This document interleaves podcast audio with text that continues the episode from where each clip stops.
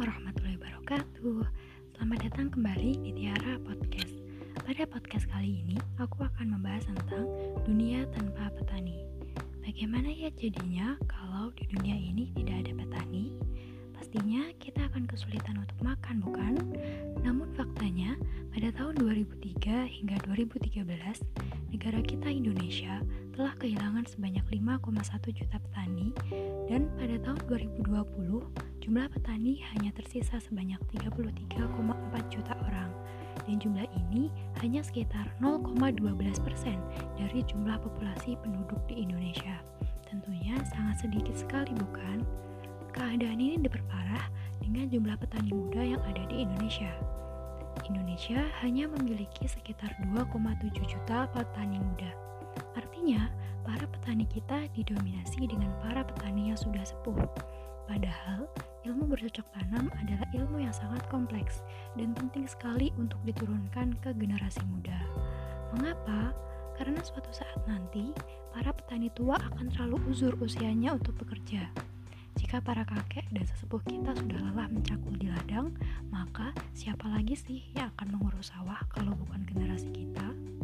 Nah, oleh sebab itu, para generasi muda seharusnya peduli dengan sawah dan ladang karena peduli dengan sawah dan ladang sama saja dengan peduli pada masa depan pangan Indonesia.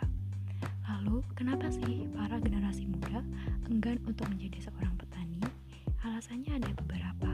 Yang pertama yaitu para pemuda masa kini cenderung takut kotor dan lebih memilih untuk kerja sebagai orang kantoran. Pemikiran ini muncul karena petani dianggap pekerjaan yang kurang menjanjikan. Bagaimana tidak?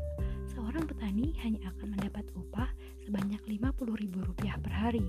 Sedangkan pekerja bangunan atau biasa kita sebut Pak Tukang biasanya mendapat upah Rp90.000 per hari.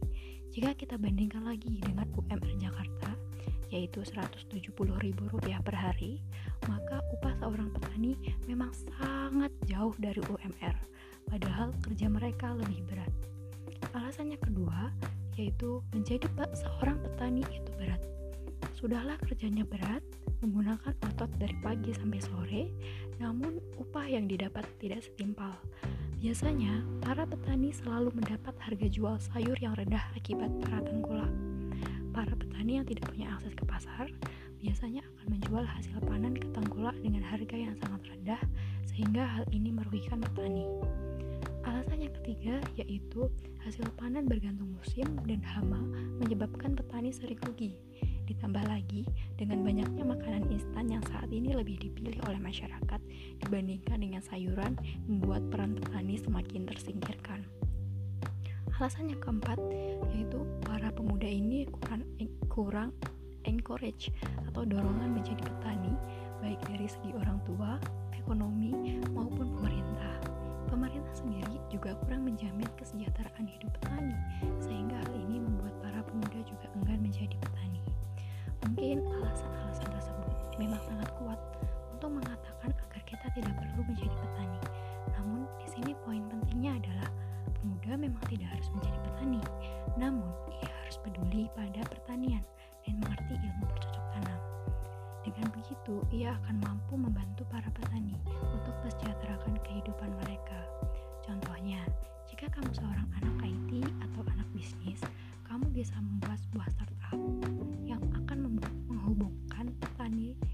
ke konsumen sehingga konsumen bisa mendapat sayur segar secara langsung dan petani pun juga untung karena ia mendapat harga jual yang lebih tinggi.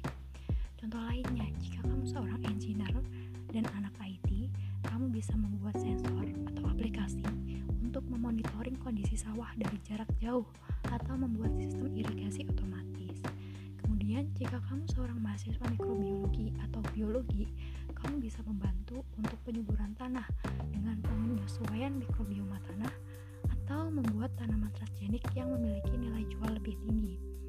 Atau lebih ekstrim lagi, misalnya kamu sebagai anak hukum, kamu juga bisa membantu para petani dengan membuat kajian pernyataan sikap yang ditujukan ke pemerintah guna memerdekakan dan mesejahterakan petani.